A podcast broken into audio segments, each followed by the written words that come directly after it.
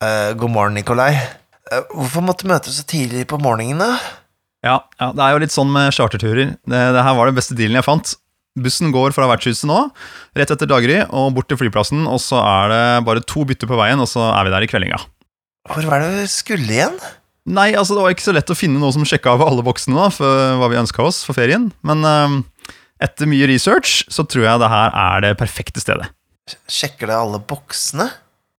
Ja, det er godt og varmt der. Det er nydelig utsikt fra rommet til en av landets desidert vakreste byer. Og det ligger i øst, så da er vi jo sikra kveldssola. Og mye kjøtt på menyen, står det. Perfekt. Er det flybussen som står utenfor vertshuset der? Litt merkelig form på den. Ja, det er den der kattebussen fra Totoro-universet, vet du. Hun gjør litt sånn deltidsjobb for Roland Travels, står det. Eh, Gå inn først, du, så skal jeg finne deg et godt sete. Og så kan du få deg en blund på veien, vet du. Ah, ok. Hei og velkomna til Roland Travels, resbolaget for deg som elsker klavermusikk og lange resor gjennom mørke skogar. Mitt navn er Roland og jeg skal være deres resledare og tourguide dag. Legg dina jævla vesker i hatthyllan og låt oss gi oss av på denne reisen til vår slutdestination, Mordor.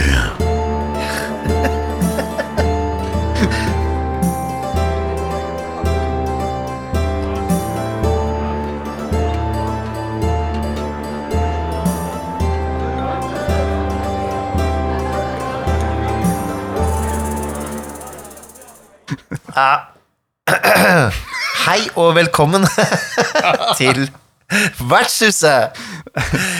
Eh, Nikolai eh, insisterte på en litt sånn tidlig innspilling. Eh, mitt navn er Mikael Stensen Solien, og jeg har med meg Nikolai Krogsrud Strøm. Og vi har fått lov av Roland Travels til å spille inn podkasten gjennom PA-anlegget her i bussen. det er jo helt konge. Helt konge. Ja. Ja, hva er temaet i dag, eh, O uh, uh, tidlig oppe småbarnspappa uh, Nikolai? Jo, altså Jeg får uh, sånn sommer kommer-vibber her nå. Ikke sant? Det er, våren er i emning, og det skal planlegges reise og tur.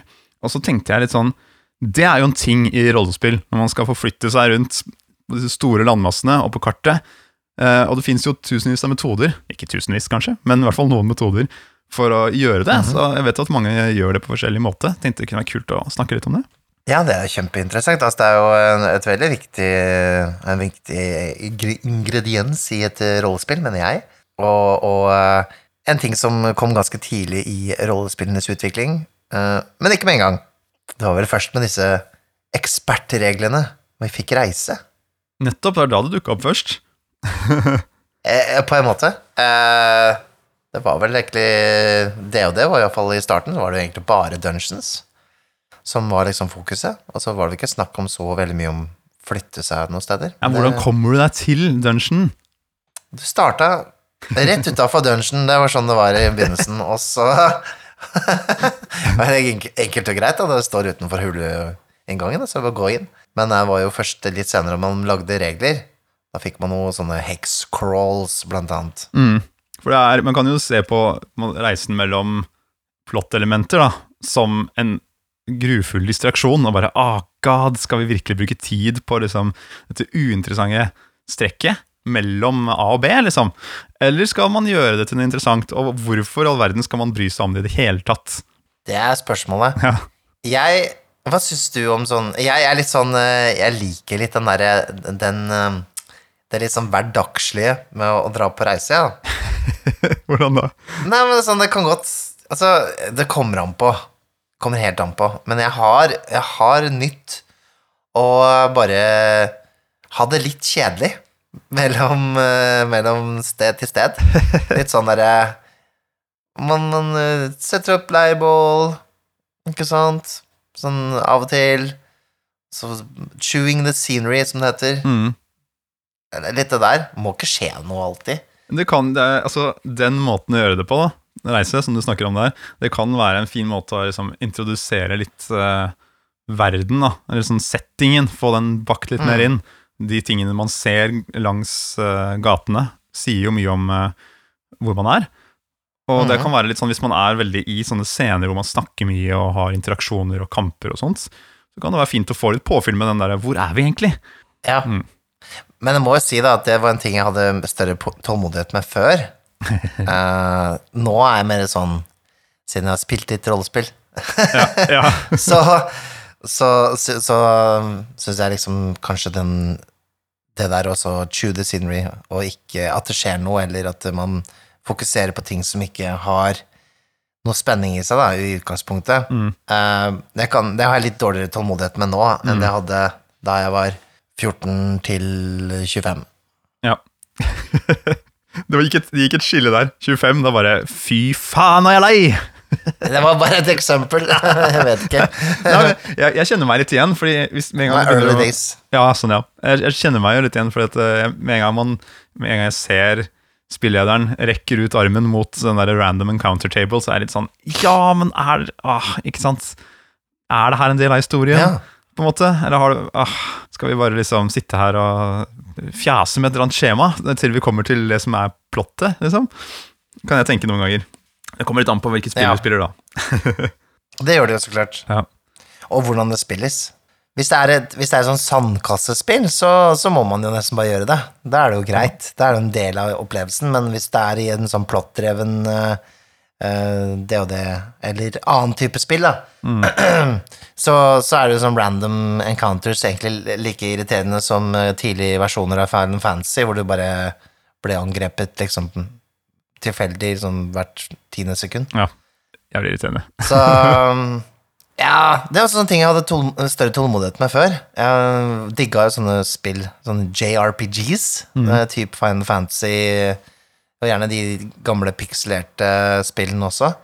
Men jeg kjenner jeg, åh, jeg har ikke tålmodighet med det lenger, altså.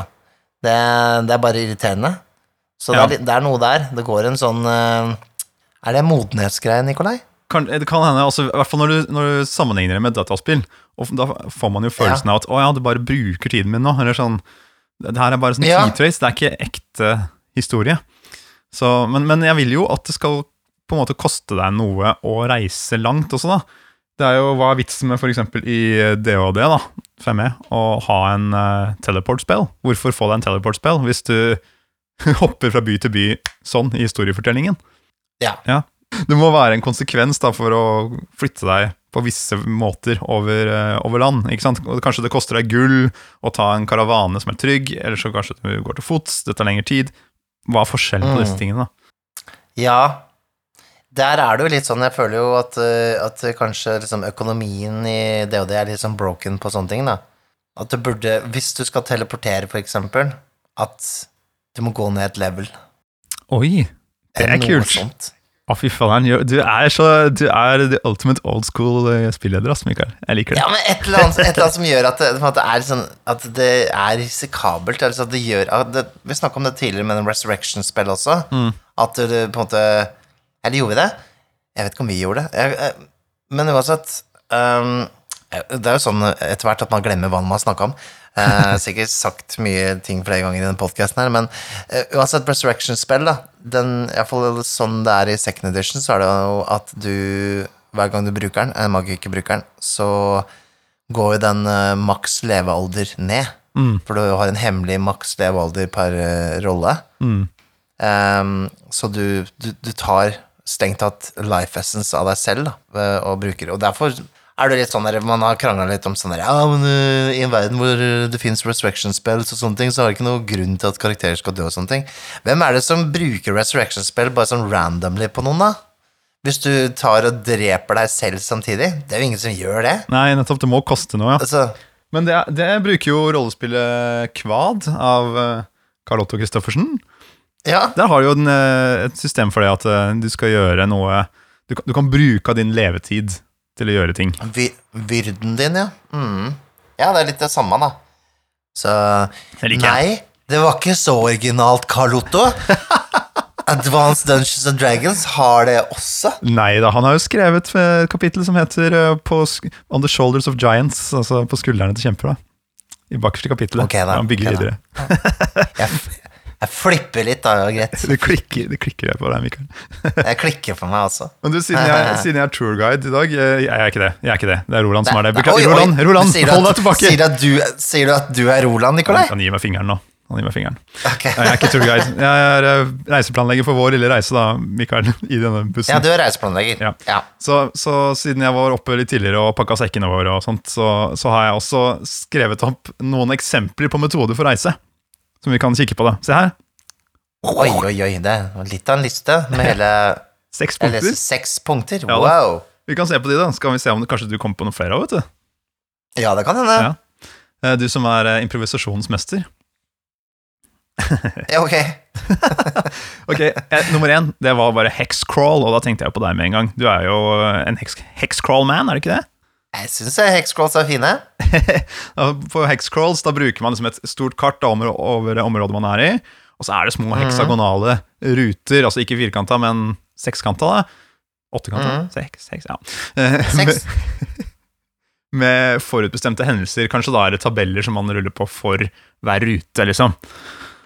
Er ikke det? Ja, ellers Ja, eller som du kan- jo alltids eh, på en måte Det er ikke alle ruter som må ha en hendelse eller noe som skjer, men at du kan Du tegner inn sant, et kart på dem da med, med skog eh, og sånne ting. Mm. eh, og, og vei og alt det der. Og så kan du ha, liksom, eh, lage deg en liten sånn legend, som det heter på engelsk. Altså du kan eh, skrive 1, 2, 3, 4, 5, 6, 7, 8, 9, 10 på disse ru eh, forskjellige ruter. sånn at når de kommer til et sånt sted med tall på, så kan du da se i dine notater på hva du har skrevet der. Um, og ja, så kan du så klart Kanskje for hver tredje heksagon eller sekskant du flytter, da, så kanskje man kaster på en, eh, en sånn tilfeldig monstertabell, for eksempel. Eh, det kule med hexcrawls er jo at man utforsker kartet eh, selv, da. Og at det blir på en måte veldig åpent. Det er ikke sånn eh, Man kan jo se kartet. De har kanskje en egen versjon av kartet som de fyller inn etter hvert som de flytter seg, og, og kanskje La oss si man ser Man har syn da, som gjør at man ser eh, kanskje tre heksagon fremfor seg, ikke sant? Så tegner man inn etter hvert som man går. Ja, for her er det en fog of war. Altså det at man ikke ser, man vet ikke helt hva som er foran, og så utforsker man bit for bit. Du kan se for deg det er litt som å spille Command and Conquer eh, på PC eh, fra, ti- fra 90-tallet, dette her. Ikke sant? Du utforsker, det er det, er ikke, er ikke det også altså, sekskanter i det spillet? At det er litt sånn egentlig basert på sånn Du, det kan hende at, at ikke de er fremme hele tiden, men at det syns litt sånn så vidt innimellom. Ja. Det jeg kan godt Jeg hende at tror er det er på det. sånn litt sånn heks... øh, nei, ja, ja. Faen, jeg har Ja, ikke tenkt på. Command and Conquer er en hexcrawl. Det er ikke en, en krigsspill. Nei. Eller hvis du går enda lenger tilbake, Dune 2, Battle for Arrakis. Men uansett, da. Nok. Man kan Nok til og med kjøpe. Fra miniatyrbutikken. Det, det her er ikke sponsa, jeg sier det bare. Men jeg så at de selger sånne heks, eh, hexagon tiles som man kan legge ut bit for bit på bordet. da. Ja. Klik, klik, klik. Ja, Ja, så måtte gjøre ja det det er kult. Mm. Da har du jobben, da, med å sitte og male de, men eh, ja da.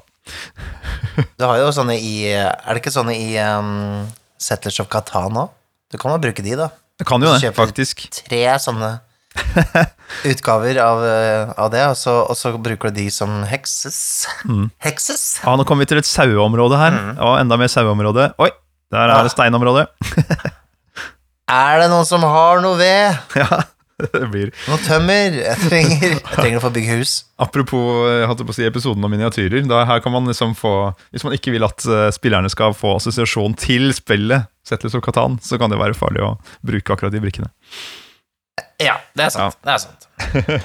Ja, man må finne en løsning. Finne en løsning på det. Ja, Det finnes masse sånne gratis ting man kan laste ned fra nettet for å, for å lage sine egne hexmaps, i hvert fall. For det har jeg gjort til AD&D Second Edition. ja det har du nok. vet du altså, ja, Man kan kjøpe sånne små trebrikker også, med skau og jorder på. alt mulig rart Det fins masse greier. Det var metode én. Så tenkte jeg vi kunne hoppe rett til punkt to her. jeg. Ja, jeg kan bare nevne også at det noen moderne spill som bruker hexcrawls også, sånn som eh, noen av disse frie Ligaen-spillene, sånn som uh, Mutant Year Zero og uh, Forbidden Lands, og jeg tror også det nye uh, Twilight 2000 også har en sånn hexmap. Ja, nettopp. Så det er ikke så old school design lenger. Vi har, ser de moderne spillene. Ja, ok da. Det er så klart inspirert av dette, da. Gamle greiene. Ja. Ja. ja, Alt kommer fra et sted, er det ikke sånn? Jepp. Og nå skal jeg si at det, det kommer fra Command and Conquer, skal jeg si. Ellers har vi noe som jeg har valgt å døpe OSR-metoden, altså Old School Revival-metoden. Ja. Hvor man da bare eh, ruller terninger hver dag eh, hver reisedag for å se hva som skjer på veien. Hva, slags hendelser eller møter med fiender osv. Man, man gjør. ikke sant? Og så ruller man for rasjonene sine. Oi, nå blir det mindre rasjoner. Så det er brukt i mørketid, da, med andre ord. Ja. I det spillet du har skrevet, ja. Ja, Mm. der er det jo eh, slik, da. Man ruller noen, en sekstierterning, en, en eller to, så skjer det noe gærent. Mm. Enten et monster eller flere, eller en tilfeldig hendelse, da. Og Mm. det kan man rulle på, så må man som spiller tolke litt hva det, eh, det betyr, da. Så er det forskjellige hendelsestabeller for skog, landevei, eh, ødeland, kulp. Ja. Ja. Og så er det jo litt sånn, det er jo større sjanse for at man, eh, noe skjer utenfor landeveien enn på landeveien, for eksempel, da. Mm. Så dette er ikke noe revolusjonerende jeg finner på. Det er jo, det er jo tatt fra, fra eldre spill og spill i OSR, eller Old School Revival. eh, om du vil. Mm. Jeg vet ikke om det er en bevegelse, egentlig, men en, en spilldesign-bevegelse kan man si det er, ja. Ja. Um, og det, det dras jo rett fra gamle DOD, egentlig. Eh, den type måte å spille på, hvor, hvor man egentlig spilte litt mer mot DM-en enn at DM-en spilte med spillerne sine. Som er, en, som er en, eh, en filosofi, da. Mm. Jeg kan like litt at det, For her får du den derre Det koster å komme seg fra A til B, ikke sant? Så hvis du Ja. ser på kartet, da, så bare Ok, hvis dere skal fra den byen til den byen Det tar Ja, ikke sant? Hvis du har en sånn hexmap, da. Det tar seks dager. Mhm. Seks ruter, liksom. Og da må dere pakke rasjoner, da. Kjøpe inn det. Eller hvis de ikke har nok sølv, skaffe nok sølv. Da kan man spille ut en scene hvor de prøver å få penger nok til å få tak i rasjoner, eller stjele det. Det er mye sånne der rollespill som man kan putte inn i der, da. Og hvis man har eh, en historie forskrevet på forhånd, så kan, man, Mhm. kan det være en kul utfordring også å prøve å flette elementer av ting som skjer på reisen, på disse tabellene, inn i hovedplottet. da. Nå er jo litt sånn eh, avhengig av Hvis man skal kjøre sånn uh, reise, hexcrawl og sånne type ting, så kan ikke spillerne være dritrike.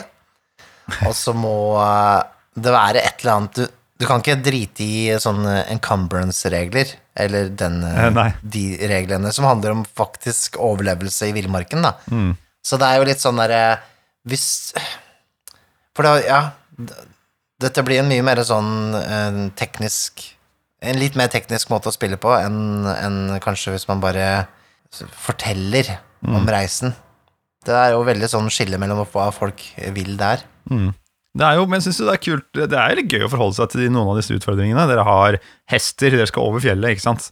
Bør dere kanskje gå rundt, da? Hvis dere, eller skal dere droppe hestene for fjellturen? Eller skal dere frakte med dere masse gull på turen? Ja, hvis dere er rike, da, på den turen. Da kanskje det blir flere Kanskje, det, kanskje liksom dere blir frastjålet penger, penger, da, hvis dere går et sted hvor det er mye skurkere og røvere. Men hva med veien tilbake, da, når du har funnet den dragon horden ikke sant, Mm. inne i fjellet, og så er det sånn Ja, ja, vi har jo bare disse sekkene her vi hadde med oss, så vi må bare fylle opp de så godt som mulig, og så må vi ha en annen plan for å få alt det gullet ut av, av, av fjellet. Ja. Og da må du liksom Ok, greit, det vi gjør, da drar vi til den nærmeste landsbyen, så leier vi Vi tar med oss nok gull til å leie en del sånne leiesoldater. Som, som kan jobbe for oss, eh, for å liksom vokte her. Og så leier vi også en, liksom en, noen vogner og noen eh, til å, til å dytte de, da. Og så får vi de til nærmeste bank om noen år. Det er kanskje blitt eventyr i seg selv, da, få alt det gullet ut av det fjellet. Og kanskje skjer det noe på veien der, ikke sant. Så det der litt litt det derre Hvis man følger disse reglene litt mer slavisk, altså gjør det litt old school, så blir du ikke så overpowered heller, for du kan ikke bære med deg et 4000 gullmynter i, i lomma, liksom. Nei, nettopp. Så det har jo noe for seg, egentlig, for, for balanse. Ja, da har man i hvert fall mulighet som spilleder til å holde igjen litt, ja. Du blir angrepet, du mister noen gullpenger. Jeg så en veldig interessant video som jeg egentlig har lyst til å diskutere. Men det var, eh, det var eh, Jeg tror det var Dungeoncraft som hadde den, om eh, Gary Gygax sin eh, originale visjon for hva en kampanje vil tilsi. Ja. Og, og det var Det var mye mer likt det derre West Marches-stilen, eller hva det heter for noe. Mhm. -hmm. At man på en måte At det var ikke det samme gruppa hver gang. Man hadde gjerne flere karakterer, og så spilte man når man hadde tid. Ja. Og så var det slik at En dags spilling er en dag i spillverden. Så du gikk på eventyr, eh, dro inn i hula, gjorde så mye du kunne, og så dro du tilbake igjen, og det liksom, det skjedde hver gang. Altså, du kunne ikke, du kunne ikke bli i en hule, fordi at når du hadde for eksempel tatt rom, vært med i en gruppe da, som har tatt rom 1, 2, 3, 4, 5, så når neste gruppe spiller, hvor kampanjen fortsetter og ikke du er med, så har det skjedd noe der inne, da er det tom for gull der inne. Så det ble en sånn konkurranse sånn mellom spillerne og sånne ting, og, og bli sterkest og sånne ting, for uh, gull er lik XP. Uh, det var litt sånn interessant, da, for det, altså det, det, er, sånn, det er nesten litt sånn utenkelig versjon av det egentlig sånn i dag, men jeg kan forstå liksom veldig mye av den, de, hvor de reglene kommer fra, når det var Ja, det var sånn det spilles, da. Det var en kampanje, liksom. Ikke at det var den samme gruppa hver gang, men at du gjerne spilte i forskjellige konstellasjoner av folk, da, etter hvem, hvem som var tilgjengelig den og den dagen for Ja. å spille. Dette er jo nesten en eget, Så- et eget emne omtrent, men jeg, jeg, jeg kunne jo se for meg å kjøre, ja, ja. kjøre to grupper, to, to gjenger liksom, og så utforsker du samme kartet, ja. Og så ser de, og så bare legger du alltid det kartet frem på bordet hver gang. Og så bare Å, shit, her, hva, er de, hva er det her for noe? Ja, de var der borte, og der fant de en hule og seiret en drage og greier. Så bare Nei! Kødder du? Fader, eller? Ikke sant? Og så prøver Tok de å de dragen? Ja, overkommer de det. Så det, det kan være kult, ja. Altså, men greia også var jo da at man, man har et sted hvor man ikke kan bli drept, da, og det er, den, det er for eksempel det der det fortet, som er hjemmebasen, ikke sant, der alle eventyrerne er mellom spillene. De er der hele tiden når det ikke spilles. Um, så, så ja, det er litt sånn dataspillete på en måte, da. Eh, men uh, ja, jeg vet ikke. Jeg synes det, høres, det høres ut som en ganske gøy eh, løsning, da. Uh, det minner som sagt en del om den West Marches Jeg tror det er West Marches det heter, som en måte å spille på. Og det er også litt sånn en spillmetode som gjør at Som er sånn at du ikke skal Du skal ikke lage oppdrag. Du skal bare Altså, du som spillere må være proaktive. De må gå ut for å få XP. Ja. Det er målet deres. Er vis, vis og da må her. du oppsøke, du oppsøker eventyr selv. Ja. ja, ikke sant, men da, ja, da blir det litt mer dataspillete, ja, på et vis. Du går og utforsker hula, og så tar du vekk Fog of War, og så gjør du greia di, liksom. Mm, så bare notere i spillederen hvilke rom som har blitt utforska. Ikke sant? Ja, ja. Det tar oss over til punkt tre her på, på lista mi her. Skal vi se. Det, Ja. det har jeg på et annet ark nede i sekken. Vent litt, da. Her. og det er eh, hopp glatt over den dritten, og bare si etter tre dagers reise så står dere foran portene til byen. Ja. Og det er det, kanskje det vi har gjort i 50 edition, egentlig. Ja, ok, da drar vi dit. Dere vandrer litt og rir av gårde. Og da er dere der. Ok, la oss sette i gang. For det er jo litt sånn eh, Det er ikke Det er jo Hvis man spiller det litt sånn som, eh, som eh, mange spiller 50 edition, da, som at det er mer sånn narrativt uh, uh, spill, um, så var kanskje ikke reise så veldig interessant. Jeg, jeg har lest på reisereglene i Dungeon Masters Guide. Ikke sånn utrolig fengsla av det, egentlig. Nei. Så jeg har droppa dem når jeg har spilt 5th edition, Mm. sånn egentlig. De har Bare- laget noe som heter Explorers Guide. Eh, som er en sånn egen sånn hefte, ja. Mm. Med egen er spillederskjerm og sånt til uh, 50 edition. Å ja, det er den du kjøper sammen med spill, eh, den spillederskjermen for Exploring, er det ikke det? Mm, mm. Eller den følger med i den, ja. Mm. Ja. Der er det også en hel del sånne encounters og så videre da, man kan bruke.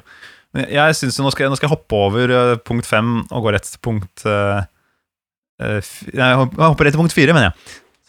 Nå skal jeg gå, ta ja, punkt ja. fire inn i punkt tre her, at du hopper, hopper over det. Fordi det kan man jo på en måte ta uh, en metode hvor, man, hvor spillederen bare forteller i korte trekk noen ting som skjer på ferden.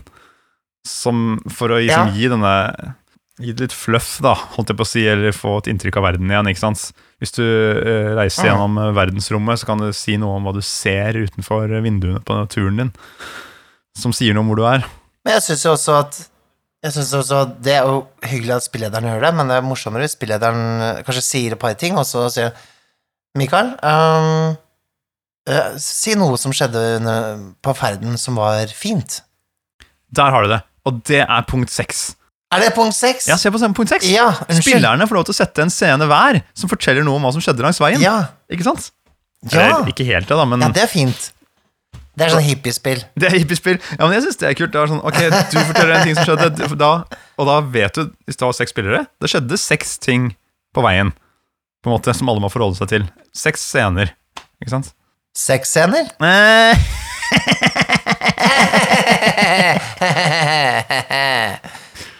Det kan hende. det kan hende. Hvis en av spillerne setter en seks scener langs veien, så skjer det. Hyggelig, det. Ja. ja da. Har du prøvd det? Å bruke det? Sexscener? Nei! Faen. Jeg har faktisk prøvd sexscener også. Uh, det var uh, Det var kleint. Ja. Men scener Men tenker jeg på.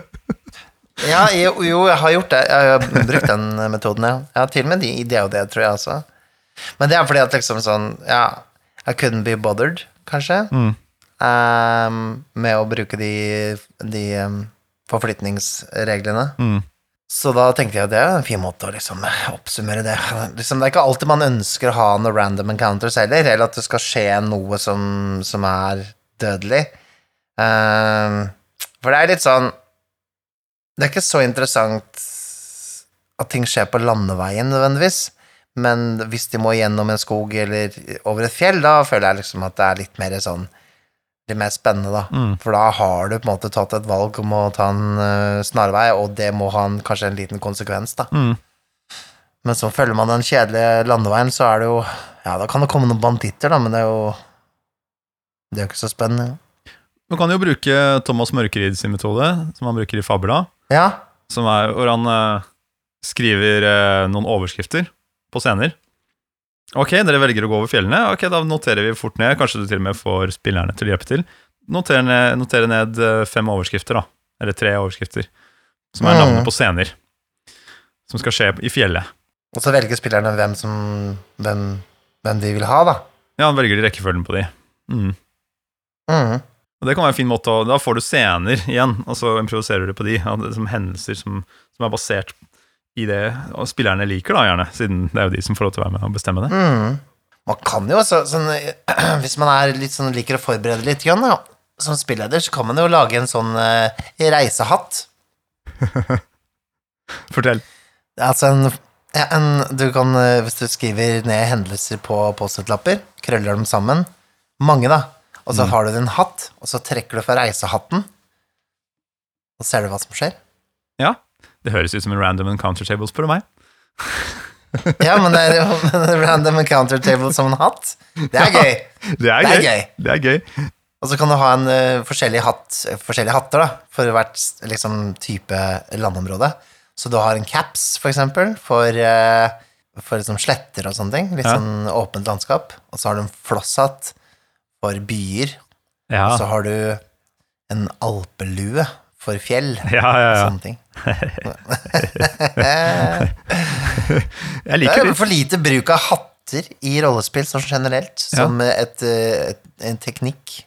Det er sant. Det burde man egentlig eh, bruke mye, tenker jeg, som spilleder. At du har bare et eh, sett med hatter bak deg, og så tar du på de forskjellige, ettersom hvilken eh, rolle de møter på langs veien. Jeg vet bare om ett rollespill som bruker hatt som, som en greie, og, det er, og, og lapper i hatt. Og det, er, det var ikke meg, som eh, er et sånn risk-spill.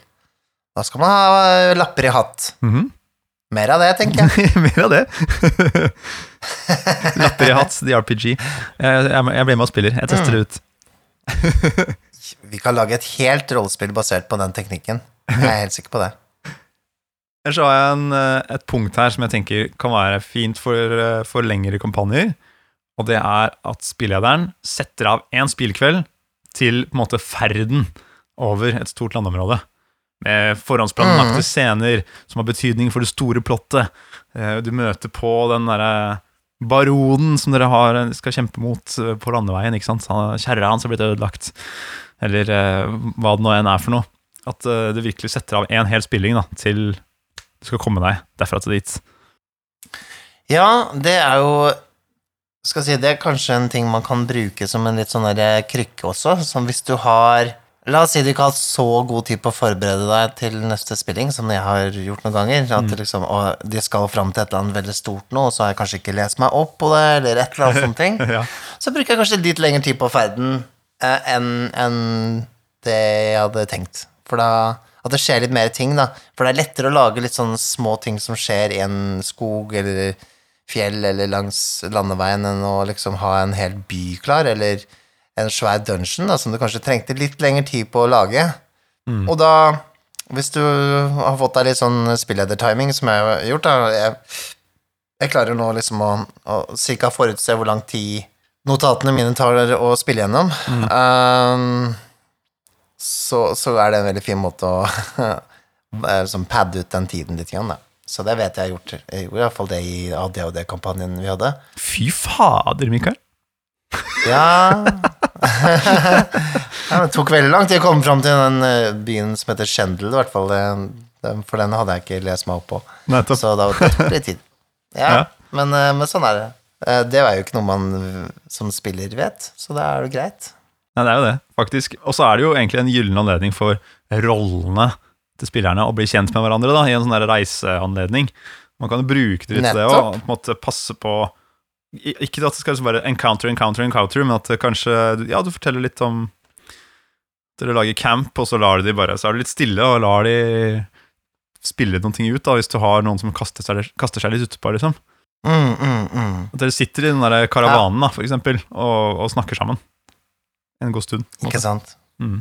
Karavane er også en sånn eh, en, en, en sånn lovlig railroading som eh, Det har blitt en sånn trope, egentlig, i veldig mange DOD-kampanjer, eh, eller eventyr.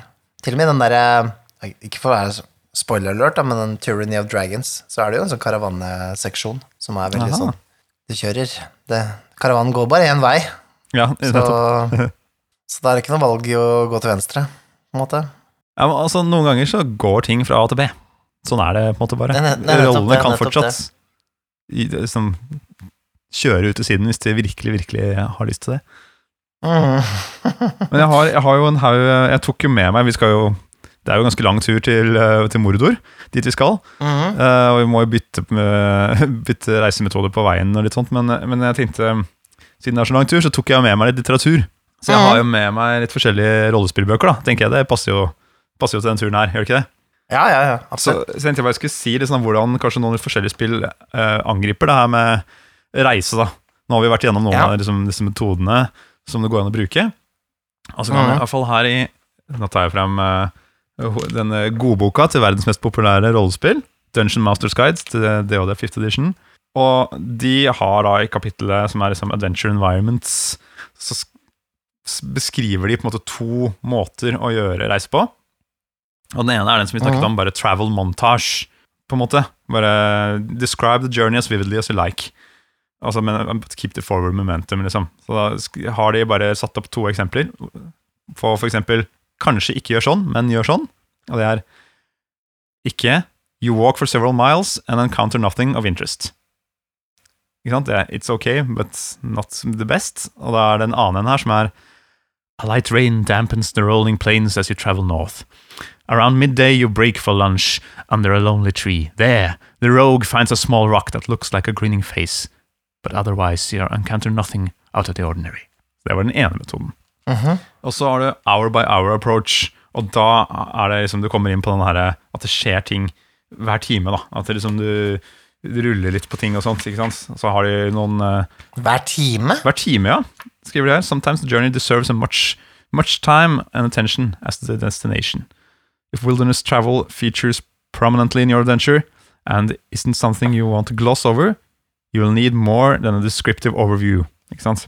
Og da, og da kommer de inn litt mer sånn der vær, eh, merkelige steder, eh, monumenter du kan møte på, ekstrem hete, finn ting, finn mat og vann, ikke sant? Alt det som vi egentlig har nevnt her. Foraging, ikke sant? Det er uh, 5E sin, eh, sine to måter å gjøre det på. Mm. Det er jo greit nok. Og så har jeg nylig kjøpt et rollespill som heter Death in Space. Er det bra? Eller har du lest mye på det? Jeg har begynt å lese litt på det. Det virker, eh, virker kult nok. Det gjør det, altså. Jeg, jeg kjøpte det litt på grunn av designen. Um, det var litt mer Se på det. Kunne vi spilt, kunne vi, Ja, det ser fantastisk ut. Eh, Dere ser jo ikke dette her, men det har en sånn altså, hologramaktig front. Har det ikke det? Ja, det har det. Er det noe for vertshuset spiller, eller? For vi har jo ikke hatt noe sci-fi-spill. det kan, det kan absolutt være. Ja. Det var litt mer holdt på å si sci-fi enn jeg trodde. Eh, sånn derre I settingen. Jeg trodde det skulle være litt mer holdt på å si Jeg vet ikke hva jeg forventa meg, men eh, det, var, det var det er mye setting da eh, i boka. Så det, det er jo kult nok. Man er litt sånne eh, det, er vel eh, Historien er at eh, verdensrommet nå komprimeres istedenfor å vie seg ut. Mm. Og at det er eh, masse forskjellige settlements rundt omkring i universet, og så er de litt sånn derre eh, de- er i forfall, da. Ikke sant? Jeg skjønner. Ja. Det er, liksom, det er jo litt sånn Mørkborg-inspirert, er det ikke det? Som reglene og sånn? Ja, det er, det er litt samme mm, Samme ham, på et vis, ja. Og så har man litt Mhm. sånne s- psionic abilities og sånt noe, kanskje, da, ikke sant. Og man eh, Når det gjelder denne reisen, da, for jeg tenkte space travel, det er også en ting, ikke sant? Ja, for det, det, det, det er dit vi skal. Det er dit vi skal. For hvordan kommer man seg rundt i verdensrommet? Og da har de jo eh, forskjellige på en måte distanser, ikke sant. Hvis du skal reise Mm. innad, i et, eh, innad i et system, så skjer det ikke så mm, store ting. Eh, men skal du reise mellom solsystemer, så må du Mm. inn i en sånn cryopod, ikke sant, så hvor du fryser deg ned, og så sover du, da, på en måte, i noen år, mens, Mm. denne, mens den reiser, ikke sant, dette romskipet.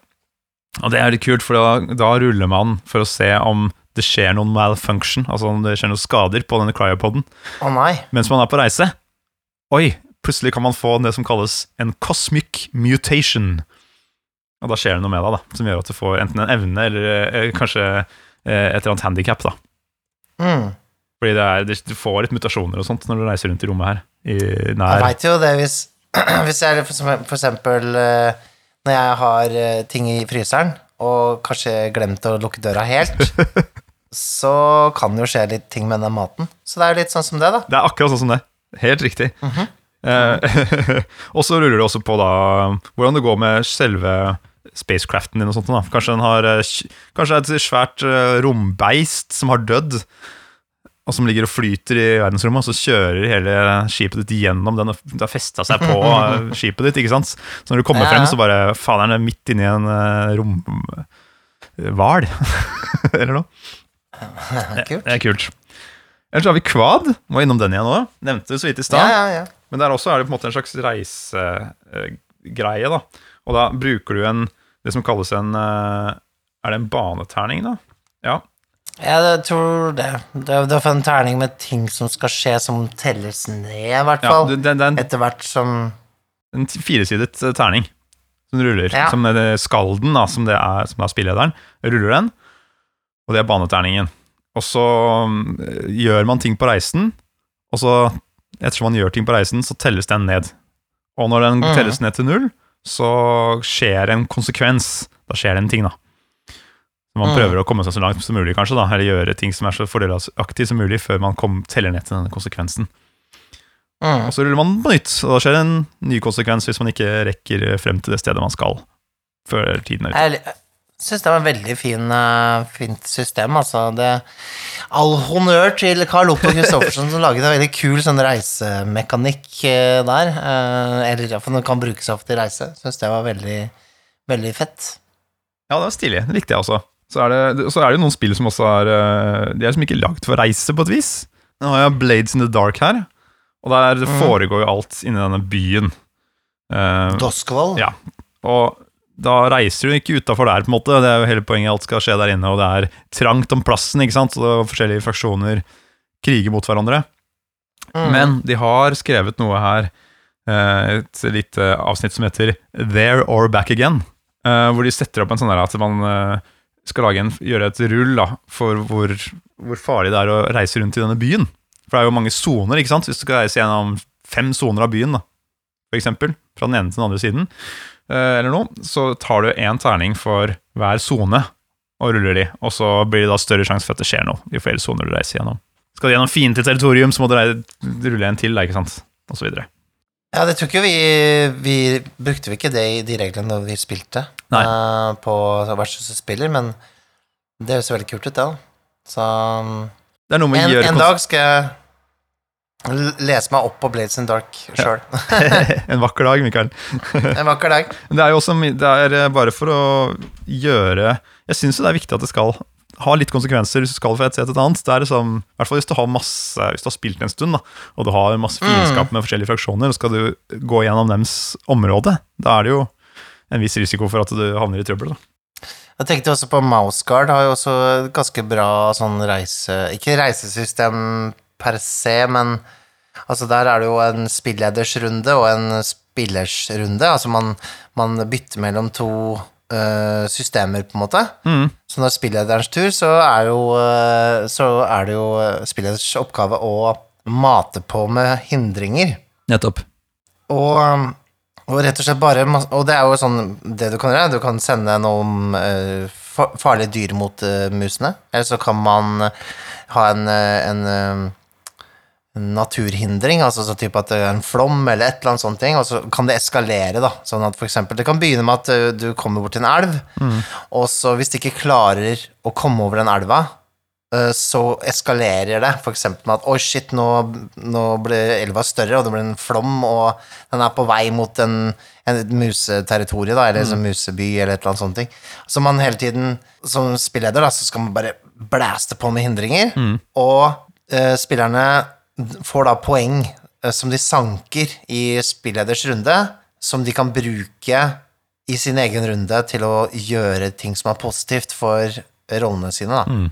Veldig sånn rar sånn økonomi innad i spillet, som er egentlig er ganske sånn smått genial. Uh, det funker veldig bra for uh, Det blir en sånn blanding av uh, på en måte ordentlig detaljert hexcrawl, Ja. uten at det er hexcrawl, Uh, og den derre litt sånn forklare Altså den uh, narrative beskrivelsesversjonen, da. Ja. Jeg syns det er ganske kult. Det blir jo en veldig viktig del av Mousecar, da. Syns jeg. Det er absolutt Man er, det, eh, det er jo- små, og, og dyr og villmark og vær er på en måte desto mye større da, når man er så liten. Ja. Mm. Det er masse ugler der ute som eh, er sultne. Ja, fy fader. og så må vi ikke glemme altså, selve reisenes spill, eh, The One Ring. Ja. Der er det jo Der er det jo- der har du egne roller som deles ut før hver reise, ikke sant? Og forskjellige ting som roller i liksom Altså jobber, da, rett og slett, Ja. på reisen. Nettopp. Uh, nå har jeg ikke den, for jeg har jeg faktisk ikke med meg i sekken her. Um, men uh, du husker kanskje litt mer av det systemet enn meg? Ja, jeg husker i hvert fall at man må sette Det er forskjellige ting. Du har en lookout, du har en scout, og du har en, eh, en eh, Navigatør har du. Navigatør, ja, og så har du en som er eh, så klart jakter Og så er det så så mange som jakter etter mat. Mm. Og så ruller man vel alle sammen på ting, da. Mm. Og så Jeg husker ikke helt hvordan systemet er, for jeg husker knapt hvordan man spiller The One Ring. Men, men jeg husker at vi syntes det var kult, da. Ja. Vi koste oss litt med det. Um, det gjør jo at reisen blir litt mer strategisk, at man, man, man legger opp litt mer plan og i hele tatt bryr seg litt mer om det, da. Ja. Og så er det jo et stort element i Ringenes herre, da, og Hobbiten er jo Det er jo det er road movies, eh, begge deler. Det er ingen egentlig. tvil om jeg leser jo Ringenes herre på nytt nå, og det, man får virkelig den der feelingen av å være på tur. Det er mye beskrivelse av landskapet, og litt sånn der, mye sånn der de snakker om hvordan skal vi ta neste etappe. Det er tydelig at uh, han Tolkien sjøl har vært glad i å gå i skog og mark. Ja. Litt for glad å spørre meg, i hvert fall i To tårn så er det en sånn sekvens som bare tar altfor lang tid. Ja, men både og. Da, det er som han skriver på den måten. Og det er sånn, det, Kanskje ikke man ville gjort det sånn selv, med tanke på action og sånt, men ja, den boka er noe sånn, og da ja, virkelig feelingen av å ha vært på tur uten å ha vært på tur, da. Det er tur for late. Og nå skal vi til Mordor, vi òg, Mikael, men vi, tar jo, vi skal jo fly, da. Det er ørner, forresten, vi skal fly på, glemte jeg å si. Å, det er det, ja? Kult. Vi skal stoppe Ja. innom Moria og eh, innom Gondor, tror jeg. Ikke sant? Eller Roan, kanskje, du som er litt mer eh, viking... eh, glad i vikinger? Jeg, I og for seg jeg også, Ja, så vi stopper innom Roan, da. Roan er bra. Et stort måltid, litt kjøtt. Hæ? Å, det høres godt ut. Ja. Ja, men The Road også er jo, ikke sant eh, For å ta bøker, jeg vet ikke om det finnes noe rollespill til The Road, men altså, det er jo i så fall Nei. eh, et eller annet hvilket som helst postapokalyptisk eh, rollespill, da. Ja, jeg tror ikke jeg har lyst til å spille ut The Road, for det, det, blir, det blir en trist rollespillkveld, Altså. Ja, det, det, blir bare, det blir bare tristesse. Det er bare leit. Ja, det er bare leit, ja. Ja, det Men ja, det, det er jo en, eh, det er en reise, hele greia. Um, og det er jo litt sånn um, Jeg tenker litt her at kanskje man skulle være litt uh, god på å ha Hvis man spiller et spill med mye reise, da, kanskje man skal ha en litt sånn uh, liten, litt mappe med steder og man kan oppdage på veien. Som kan stappes inn hvor som helst. For eksempel dere går gjennom skogen, og der framme så ser dere en- i en klarning så er det et lite gammelt eh, tempel som er halvveis nedsunket i en sump. Dere ser et sånn merkelig lys som svever over en inngangsportal der borte. Ikke sant? Og så har du planlagt en liten mini-dungeon. Som kunne være hvor som helst, men du kjente at nå liksom, Nå har dere traska litt lenge, nå må vi ha inn et eller annet. Ja. Og så kan de eh, utforske den om de vil, da. Det er litt sånn som i Hvis du ikke følger plottet i eh, Skyrim og bare går til høyre. Sidequest! Ja, ja. Det her har jeg uh, hørt om mange som har opplevd av spilledere, da, som har liksom egentlig lagt opp hele spillkvelden til at de skal oppdage den der, eh, det tempelet på veien. Ja. Og så det spillerne gjør, er at de skal jo til den byen som er i enden av destinasjonen. Så når de blir beskrevet dette tempelet med det lyset, så er de sånn Ja, ok, uh, fint tempel, det. Vi, let's trudge on. Vi skal ikke inn der. Jo, men det er ikke sikkert det er så farlig. Det er også sånn, eh, altså Hvis det ikke går inn, så bare har du jo den dungeon til seinere, da. Mm. Du trenger bare uh, lage en ny beskrivelse av hvordan det ser ut utenfor, kanskje. Mm. Så du har ikke tapt så mye på det. Nei, nei, sånn sett. Men da, da kan man ha plutselig Oi, shit, jeg har ikke planer for denne spillkvelden. da Så Hvis jeg skulle gjort et sånt grep, så tror jeg kanskje jeg ville Ja, nå, nå har jo bussen som vi sitter i her, nå er vi ute av skogen og kjører vi gjennom et sumpområde. ikke sant? Så apropos det, da kan man jo ta for eksempel Dere skal gå gjennom et lite sumpområde. da Også hvis man har en sånn dungeon man vil bruke, så blir en av rollene trukket ned gjennom eh, gjørma. bare Det er tydelig en arm som trekker de ned, da og det blir et hull etter dem. Så må de andre rollene redde Du tvinger det fram, altså. Tvinger- tvinger. Tvinger frem, tvinger frem begynnelsen av det. Det er jo liksom, det er jo en encounter, på en måte. Og så er man inne, i, inne i et gammelt tempel da, som ligger under denne sumpen, plutselig. Man må deale med det. Synes det er greit, ja. Kanskje til og med finner en snarvei ut på andre siden. Ja, ikke sant? Kanskje finne en portal som går rett til den byen du skulle til. Mm. Så de vant på det. Det, ikke sant? Nettopp. Der ser du. Oi, nå ser det ut som det kommer noe prat på PA-anlegget her, eh, Mikkel. Hei, ni der bak, kan dere slutte å tjate? Jeg orker ikke mer å høre på er tjat. Jævla rollspelare. Ja, som ni har sett, vi er ute av skogene. Vi skal inn gjennom genom eh, det her sumpområdet som kallas for eh, Lake Onda. Vi kjører gjennom Mørkborg-universet. Eh, har ni kanskje merket? Ingen? Ja. Jævla. Sitter bare på sin mobil og tjater! Nå tar jeg fram min D6 så skal jeg rulla på en random encounter table her. Det er det vi gjør på denne reisen. Jeg syns at, jeg at Roland var mer sporsk enn vanlig. Håll käften! En femmer. Og i Helvete! Oi, Roland dukka ned bak, eh, bak setet der. Hva er det han, hva er det han ser for noe der borte? Har jeg rulla fram handa? da? Å, oh, shit. Ser, Er- ser, du, ser du er der borte? Ser du det som flyr der borte, Ja, jeg ser det. Ja, jeg ser det. Er det Der! Er der, det- der.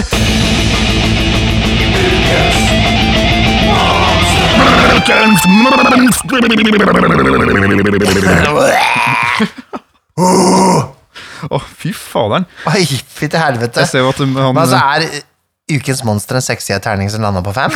Det er det. Og det er, eh, vi kjører gjennom mørk Borgland eh, akkurat nå. Og nå kommer Ja. vi forbi, siden vi er i sumpområdet, så kommer vi forbi Lake Onda. Lake Den Onde. Onda, Onda Laken. Hva heter lake på svensk? Eh, øh, Sjøen. Men det som er litt morsomt, er jo at uh, Mørkborg eh, er jo på engelsk, iallfall den som er mest tilgjengelig. Mm. Og så er det litt morsomt, for at jeg tenker amerikanerne og engelskmennene tenker sånn Lake Onda. Mm. Det høres litt, som, litt sånn badass ut, men for oss nordmenn så blir det sånn Lake Onda. Lake Det blir ikke fullt så, så metal. Men jeg kan skjønne at det virker mer metal for uh, utlendingene. Ja, ikke sant? Du som er så metal fra før Mikael. Ingenting er metal for deg. Det er akkurat som Vestland, som Ja. liksom eh, Som er et av de stedene i Eller områdene i Ja, sant, det som bare blir eh, Som er wasteland, liksom. Men for Ja, oss ikke sant? Men for oss som er det Vestland. Det er bra. Det er funny. Eh, Men det her, det der det ser, det ser ut som en vanlig and, men det er ikke det, det der. Det der er The Unresting Duck. Ah, It lives and dies in the air, making themselves very skilled at flying and really hard to hit. ja, for det, jeg tror dette her er eh, en slags sånn eh, satire. Uh, altså, hele Mørkborg er jo det, men uh, fordi eh, gamle drager og demoner, drakar og demoner, som er et svensk, uh, svensk DOD-variant. Uh, der var det mulighet til å spille and Var det det? som en rase. Ja. Gøy. Sånn type Donald Duck-and, liksom. Og det, Kalle Anka, da, i så fall.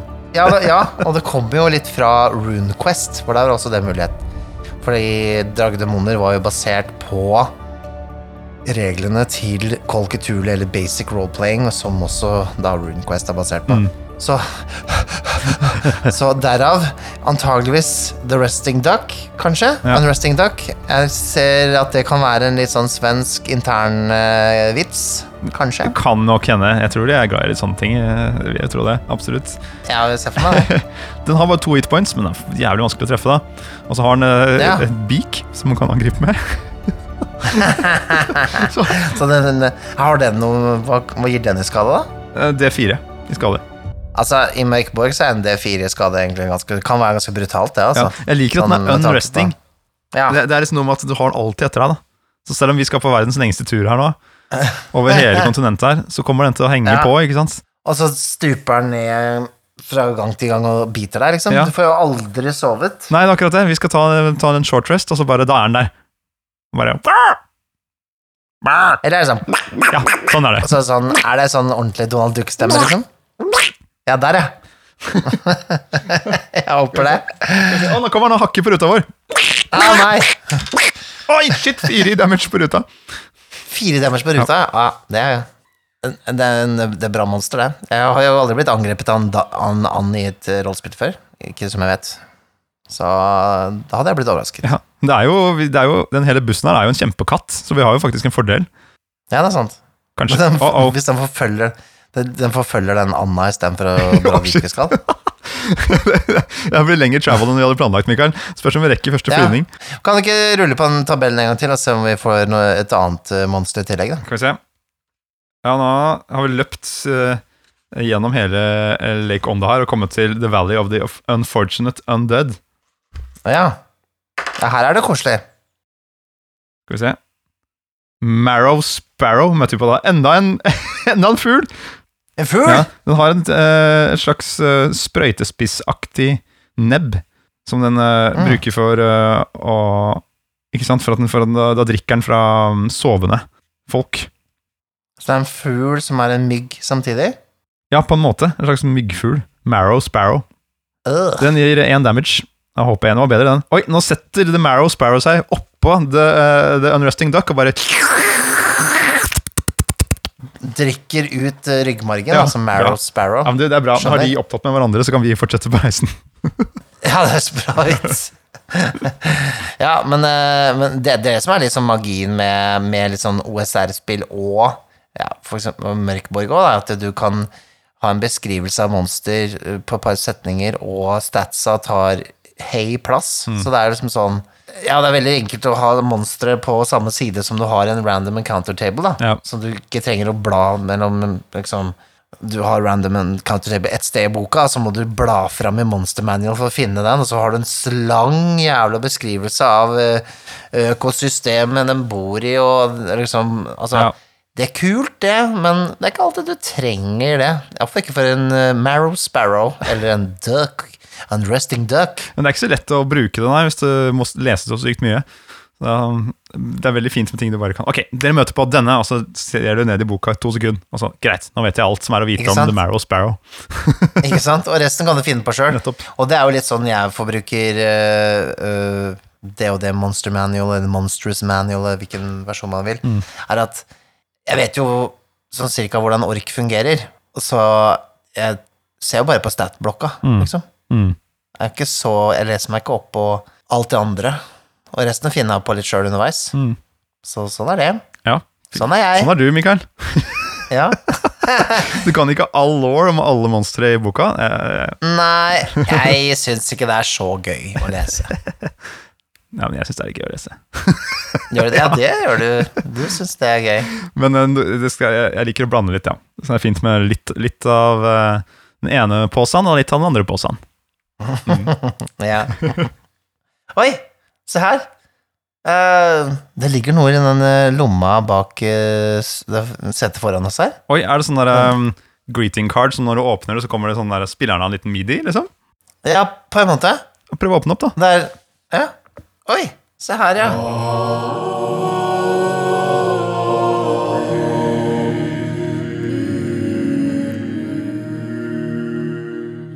Det var jammen papyrusrull. Ja, åh, Så fint. Har du klart å få den sangen inni det kortet. Det var kult, da. Ja, det er ikke dumt. Eh, det var litt sånn Ja, du hørte det var litt dårligere kvalitet enn vanlig. Ja, det var det. Eh, for det er jo klart eh, Oi, det er jo Mikael Esperum, jo. Ja, Har han skrevet eh, en egen papyrus til oss her? Altså, koselig, ja. Han er jo faktisk Han en av har våre det. patrons også. Fordi det går jo an å være patron av oss.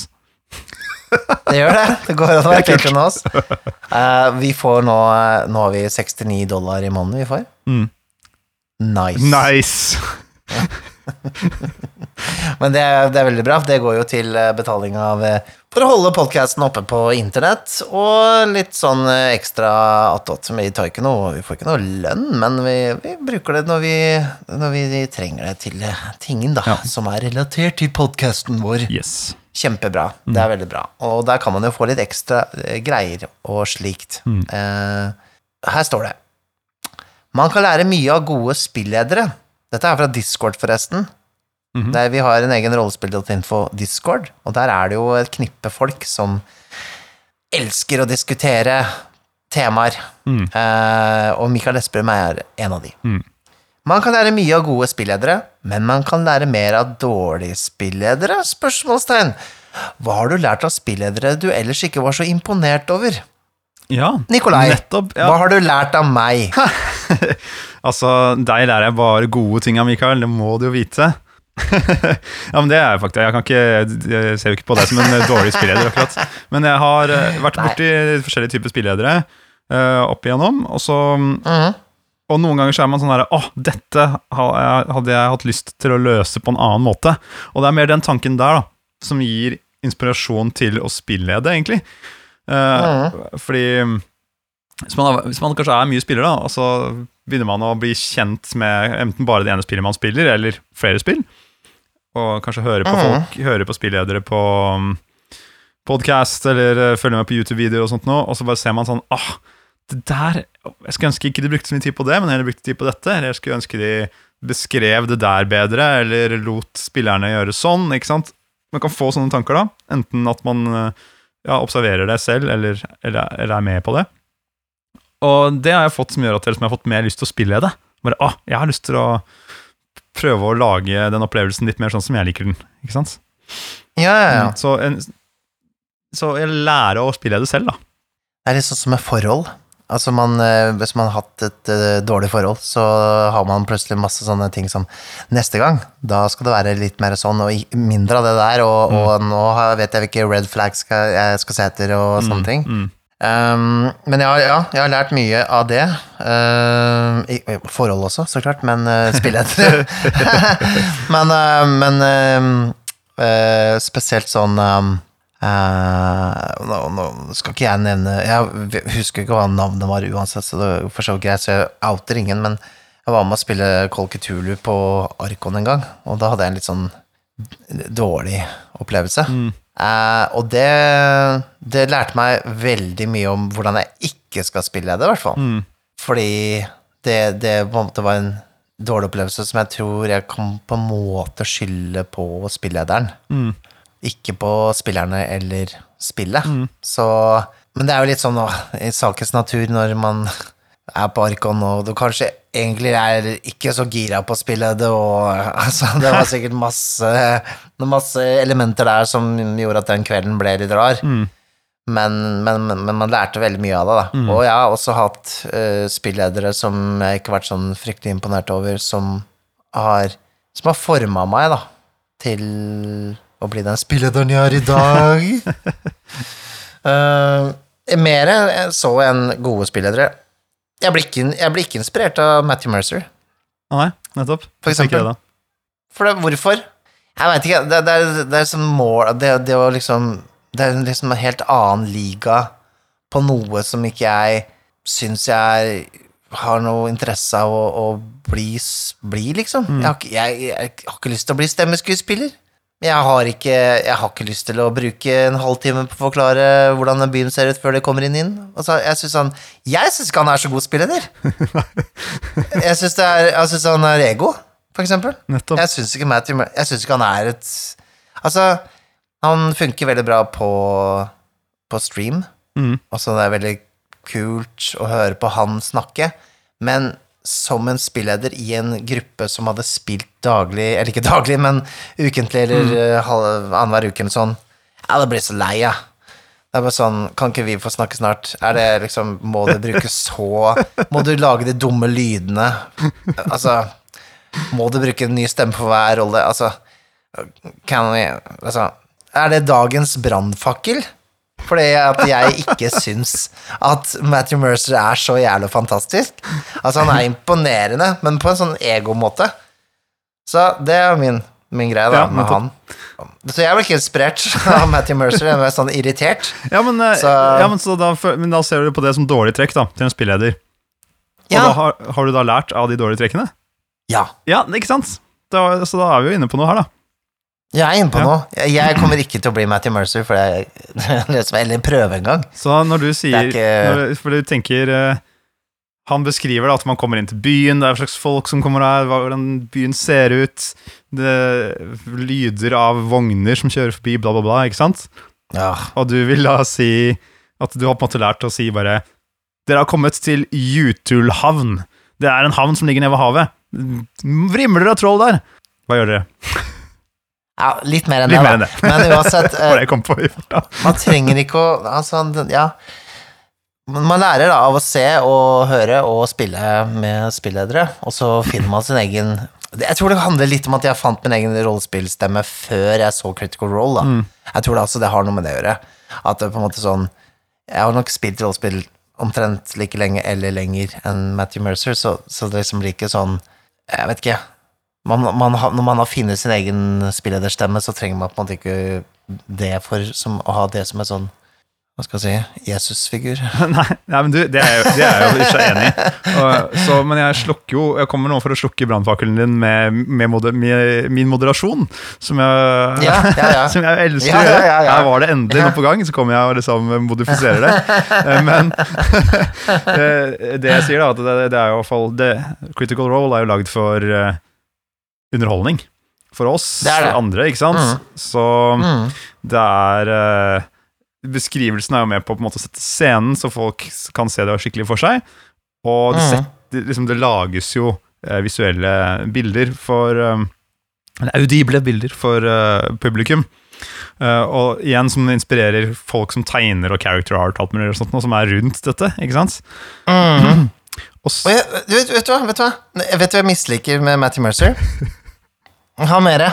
For han tar over beskrivelsen det spillerne kunne gjort. Sånn derre Og du hopper opp, og du slår ned sverdet mellom skulderbladene hans. Så er det sånn Kunne ikke du latt spillerne si det?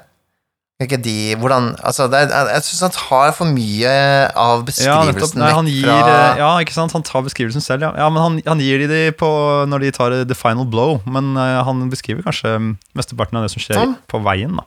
Det kan være, ja. Men jeg syns, det er litt frekt, da. Jeg syns, han, jeg syns det er litt sånn litt opp til Jeg syns han tar for mye eh, sånn ha, Hva skal jeg si? Handlingen vekk fra spillerne. ja. Jeg lar den stå som et godt eksempel på svaret til Mikael Esprimer. jeg. Mm. Mm. Jeg har lært eh, og, og jeg har observert noen som er kanskje litt for, seriø litt for seriøse når de skal beskrive ting. Liksom, vi sitter Mhm. en uh, gjeng og ko koser oss og skal spille rollespill på en måte en kveld, og jeg skjønner at det er forskjellige intensjoner med det, sånn sett, eller hva slags stemning man skal ut etter, men Man bør ikke være så jævlig blodseriøs hele tiden, liksom. Det, man kan fint tåle at eh, det køddes litt, og så hanker man det inn igjen, på en måte. da. Ja, ja, jeg vet, jeg vet, jeg tror jeg vet uh, hva, du snakker om. ja, Uh, ja, det er jo sånne ting, da. Altså, du, read the room er jo en ting. Read the room, ja. Eh, read the room. La spillerne gjøre det de syns er gøy, og så, og så kan du liksom modifisere og jazze rundt det, uten å liksom styre det altfor mye. Jeg, mm. jeg syns det ligger jo noe i Jeg kunne godt tenkt meg en gang, jeg har kanskje nevnt det før òg, å spille et sånn blodseriøst spill, hvor det ikke er lov til å, å kødde whatsoever. At du liksom Du tar den derre helt ut og bare sier sånn Ok, drar noen en vits, så er det ut. Der er døra, og der er peisen. Ja. Det er de to, to slagordene dine, Mikael. De neste tre og en halv timene så er det alvorlig. Da er det sjukt alvorlig. Jeg bare lurer på hva det gjør med innlevelsen. Mm. Du skjønner det? Som et som eksperiment. Altså, la oss si man hadde spilt uh, Jeg vet ikke hvilket spill det skulle vært, da, men noe som var veldig seriøst, da. Mm. Um, Det kan funke på horror, da. Da kan man jo, men til og med si horror har jo ja, Horror har jo humor ofte, det òg, så det må være noe som er Altså, det fins jo et spill som jeg har fått tak i, som heter Dette her uh, tror jeg er et sånt spill. Jeg skal prøve å finne navnet. Det heter noe veldig sånn black metal. XAS, altså SAS Irkalla, Mhm. som er et slags Hvordan skal jeg forklare det? Det er som et rollespill som er basert på liksom det mørkeste black metal-coveret noensinne. Uh, det er bare tristesse. Det er ikke noe lys. Det må være en ekstremt deprimert Jo, James Vale, åssen går det med deg? Går det bra? Hva Har du Har du det fint? Kan vi, skal vi ta en kaffe? ja. Høres ut som en hyggelig rollespillkveld du var på med Jameseren. Ja, det var alt men var det er helvete i tre timer. Man er liksom i en sånn der verden altså, Du må se for deg Mørk Borg uten humor. Ja, nettopp. Mm. Det er litt sånn som det. Det er forferdelig triste greier.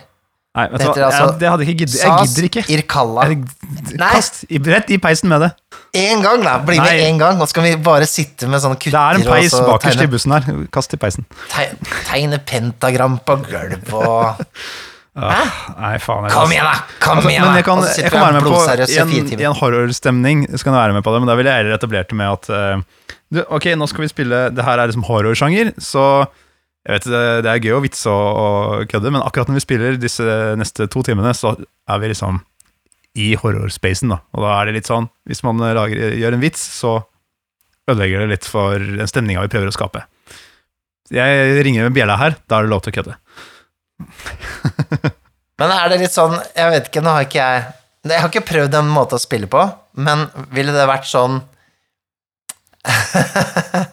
Du vet sånn Jeg har et sånn, litt sånn dårlig sånn trekk, som er at hvis ting er for alvorlig, så klarer jeg jo Det er da jeg begynner å le. Ja, ja, Så hvis jeg skal fortelle om en øh, Hvis det har skjedd, hvis det har skjedd en ulykke, da, Mm. eller hvis noen har skada seg eller, eller dødd, for den saks skyld, så hvis jeg skal fortelle det videre til noen, så kan det hende at jeg får et flir om munnen. Helt sånn bare fordi at jeg vet Altså, kroppen min vet ikke helt hvordan den skal håndtere det. Ja, sånn, litt sånn, eh, ikke nødvendigvis, men nervøs latter, på en måte. Eller sånn litt sånn Sånn. Det blir som en nervøs ja, ja, ja, Mm. ja, jeg har den greia der. Men det tror jeg er veldig vanlig for mange, og jeg har faktisk oppdaget, um, oppdaget dette her på NRK-sendinger, blant annet, eller nyhetssendinger, da. Eh, eh, Da det var krigen brøt ut i Ukraina og sånt, så folk skulle fortelle om hva som skjedde nede i Ukraina. Og så var det faktisk to anledninger. Jeg merker at nyhetsankeret kom med en liten sånn Så det er mye kø for å komme seg ut av landet. Altså bare What? Ler, ler du mens du forteller disse grufulle nyhetene, liksom? Og så skjønner jeg jo hvor det kommer fra. Ja. Det, er bare, det er så uheldig når du står og skal fortelle om det på TV. da um, Men det kan Ja, jo ja, være nyttig å lære seg å, å dempe den innimellom. da Og faktisk etablert at ok, neste to timene så prøver vi å holde inne den nervøse latteren. ja, det, jeg ser den, altså. Jeg, jeg, men jeg, jeg er lik. Så, så det var egentlig litt sånn eh, spennende for meg da, å være med på sånn superalvorlig greie. Se hvordan jeg hadde håndtert det. Ja, jeg kommer ikke til å arrangere det, så du får finne noen andre. Finne en hel jævel som kan spille det for deg. Skal finne noen på, på eh, Craigslist, som det heter. Looking for serious players only. Ja, nettopp. Det er, jeg tror du finner noe, skjønner du. Kommer til å få mange henvendelser nå på Mhm. post at spillforlaget. Hva heter det? På, på post at spillforlaget.no. Ja, riktig det. Mm. Så hvis det er noen der ute som er ordentlig seriøse rollespillere, ja, nå mener jeg sånn ordentlig seriøse rollespillere, kan de kontakte oss. Skal vi sitte på gulvet og um, i kutter. Med kniv. Nei, ikke med kniv, da. Nå tok jeg det for langt. Kan ikke ta det tilbake nå, Mikael? Nei. Ja, er, selv om det var tidlig på morgenen, så føler jeg at det, det ble mørkt. Sirkalla, sa Sirkalla. kan skal spille Sas Irkalla, black metal-spillet uten humor. Ja, nei, det, får, det får du spille med en av de andre patrionsene våre som er på bussen her. Sluta tjate der bak! Nå har vi kommet frem til ørnredet nummer ett. Vi er i Kløvendal. Det er rett i enden av Sveriges grense her. Det er bare å klive av bussen og ta med jævla skitvesker fra hatthyllen. Jeg ser Minnesund der borte. Er du sikker på at dette her er eh, Kløvendal? Det var litt sånn eh, Litt mindre Hva skal jeg si fantastisk enn jeg har forestilt meg. Ja, Kløvdalen! Det står veldig Kløvdalen camping der borte, eh, Mikael. Ser du? Det er Kløvdalen camping. Kløvdalen camping, ja. ja. Ja, så, men der er det noen ørner, faktisk, så vi, vi får bare vi får klatre ut, da, og så tar vi ørner eh, for neste del av ferden. Det hørtes fint ut. Det er kjipt at jeg har både flyskrekk og høydeskrekk. Ja, nei, men du, det, det skal gå bra. Det er så svære de ørnene at du, du kan bare finne et sted mellom fjæra der, så merker du ikke at du flyr engang. Høres bra ut. Ja. Uh, får vel takke litt for ferden, da. For det er jo det. Vi har vært på en ferd i dag, har vi ikke det? Har litt av en reise, Mikael. Uh, vil jo nevne Litt av en reise. Jeg vil nevne at jeg var med på en episode av eh, Outland sin egen podkast som heter eh, med Outland mellom hyllene. Hvor jeg var med på da det som eh, var en rollespillspesial. Nå, når denne episoden her er ute, så er det en ny episode av Mellom hyllene uten meg. Men hvis du går episoden før, så kan du se begge to, da, vet du. Min rollespillspesial og eh, den som kommer ut samtidig som denne episoden. Shit, er vi sponsa av Outland, eller, Mikael? Nei, jeg er ikke sponsa. Er ikke det, vet du. Jeg er på en måte sponsa av Outland på et eller annet vis, da. Jeg vil ikke si at du er sponsa når det er jobben din å jobbe der. Nei, nei, men altså men da kan du, Jeg får jo betalt, sånn sett, Ja. bare for å være meg. Men du, du burde jo få et eller annet sånn der Du burde, du burde få en tatovering eller noe, en Outland-tatovering, sånn at du kan være en vandrende Outland-reklame. Det bør jeg. Jeg Tenker meg sånn Outland-tatovering på rumpa. Ja, det er ikke dumt. Altså sånn pi, pil mot sprekken. Outland. Da burde det stå Inland istedenfor, tror jeg. Nei! Quack, quack, quack. Ja, det var gøy. Det var gøy, du. Ja da. Nei da, men, eh, men eh, det det er jo litt kleint å ha firmanavn som tatovering, er det ikke det? Ja, kanskje det. Men det er sikkert muligheten for å få tatovert et eller annet her eh, i Klø Kløvdalen. Camping. Jeg kan jo si det sånn sett at Altså, jeg har vært Altså, jeg kunne like så godt gjort det. Jeg har jo tross alt handla så mye på Atlan den tiden at jeg kunne like så godt tatovere Atlan. Ja. Like mye som jeg kunne tatovert en 20-seterning. Men ja, nok om det. Eh, takk for følget på denne reisen. Og nå skal vi til Mordor, Mm. for det er dit vi skal. Jeg tror vi må pakke med oss mye ramløsa og kanskje noe fyrverkeri. Kan kjekt å ha med. Men har vi noen ring, da, som vi skal dumpe oppi i det fjellet? Eh, De har sikkert, Du kan sikkert kjøpe en i gavebutikken her på Kløvdalen camping. Ja, for det er jo en tradisjon å kaste ring ned i, i Mount Doom, som det heter. Ja, Dommedagsfjellet. ja. ja vi tar med en ring, da. Ja. Ja, det finner jeg. En Det sånn finner jeg. plastring. Ok, men eh, da må jeg bare gjenstå Og nå ser jeg at uh, vi er ikke helt ferdige i bussen her. Uh, Roland han driver og han skal ha en sånn avskjedsmusikk på anlegget her. Så Ja, vi får høre på den da før vi, før vi går inn på campingen. det gjør vi, vet du. Den er alltid fin å høre på. Ja. Nei, kjør, kjør i gang, Roland. Ha det så godt! Ha det, ha det.